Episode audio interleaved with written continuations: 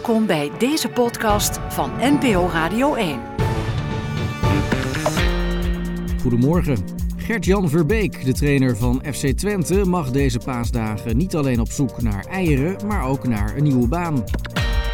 Ik ben in Enschede, want vanavond werd bekend dat Gert-Jan Verbeek is ontslagen bij FC Twente vanwege de slechte resultaten. Gert-Jan Verbeek was aangesteld in oktober. Maar uh, ja, onder zijn leiding zakte de ploeg naar de laatste plaats. En zojuist is bekend geworden wie Verbeek gaat opvolgen. Dat is toch wel weer een grote naam uit de hoge hoed, namelijk René Haken. Hij komt over van uh, Cambuur. Hij is oud-trainer van onder meer Jong FC Twente, FC Emmen en FC Twente. Bij die laatste club is hij trouwens een beetje vervelend weggegaan. In oktober was dat. Maar uh, hier bij FC Twente hebben ze veel vertrouwen in hem. Hij ligt ook goed bij de spelersgroep.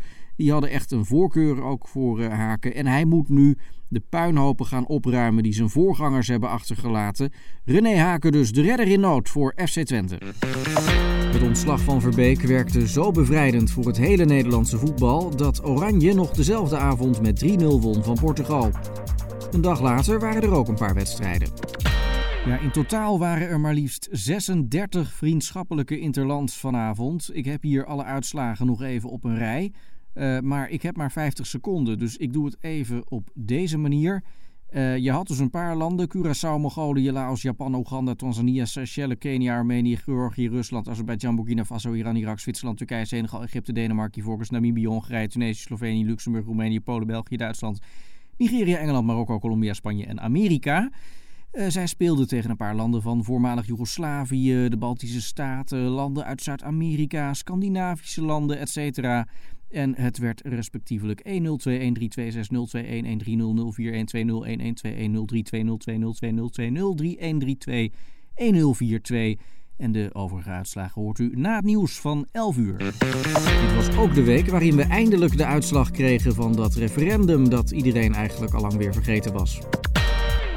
Ja, morgen is een spannende dag. Dan maakt de kiesraad bekend wat de officiële uitslag is geworden van het referendum over de sleepwet. Nog even kort beide scenario's op een rij.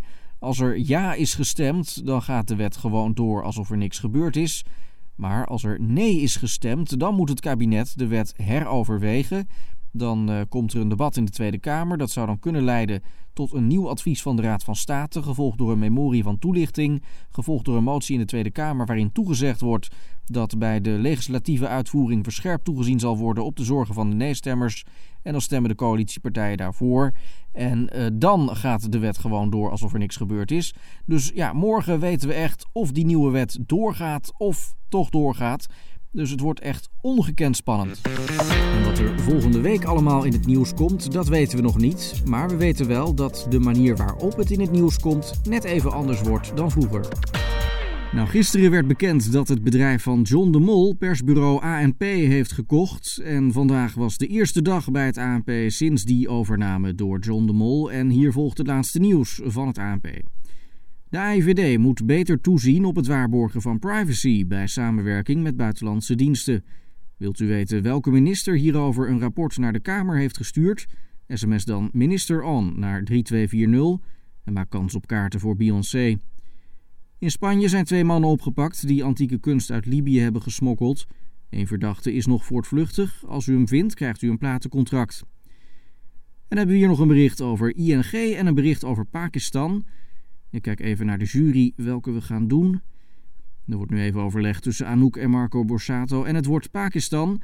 Bij een bomaanslag in Islamabad zijn twee mensen om het leven gekomen. En tot zover het eerste nieuws van het ANP sinds de overname door John de Mol. De podcast van Radio 1. Ga naar nporadio1.nl slash podcast. Daar vind je er nog meer.